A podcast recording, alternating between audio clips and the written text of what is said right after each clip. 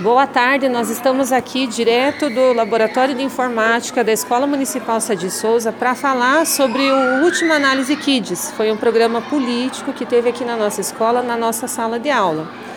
Então a apresentadora Cristina Grêmio veio aqui para nos falar, nos explicar o que é política. E ela contou que política é uma representação.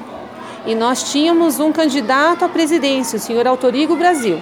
E eu estou aqui com dois comentaristas mirim, chamados Luiz e Nathalie, que vão falar sobre o programa de ontem. Então, vou passar a palavra para o Luiz. Luiz, o que, que você achou do programa de ontem? O que, que você achou de legal, de ruim? O que, que você se lembra? Você aprendeu alguma coisa?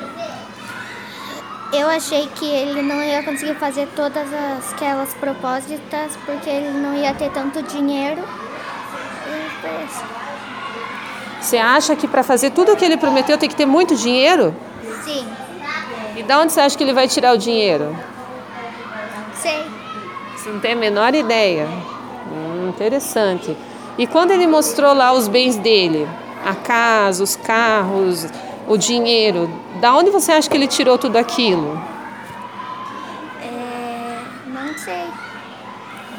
E você, Nathalie? Então aproveito a chance e passo a vez para você falar. O que, que você achou do candidato presidenciável? Ah, eu achei ele legal, né? Achei todas as propostas boas, mas como é que é a reforma das cadeiras? É, muita Coca-Cola não faz bem para a saúde da gente, muito suquinho faz problema dentário, é, levanta o peso, de, dá diabetes, dá obesidade. É, eu até gostei de algumas propostas de pôr suco, né? Mas tem um encanamento, não tem como. Daí, eu não sei se ele vai conseguir cumprir todas as propostas que ele deu. Da onde que ele vai tirar dinheiro? Acho que será que ele vai tirar do povo?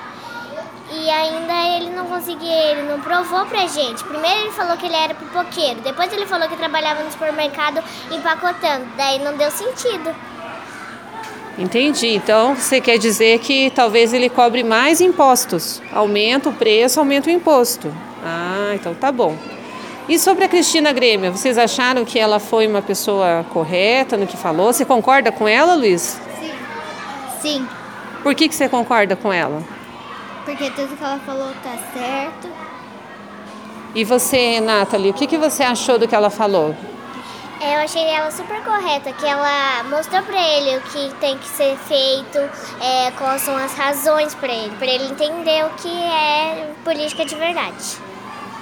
Então tá aí a opinião das crianças sobre o programa político de ontem.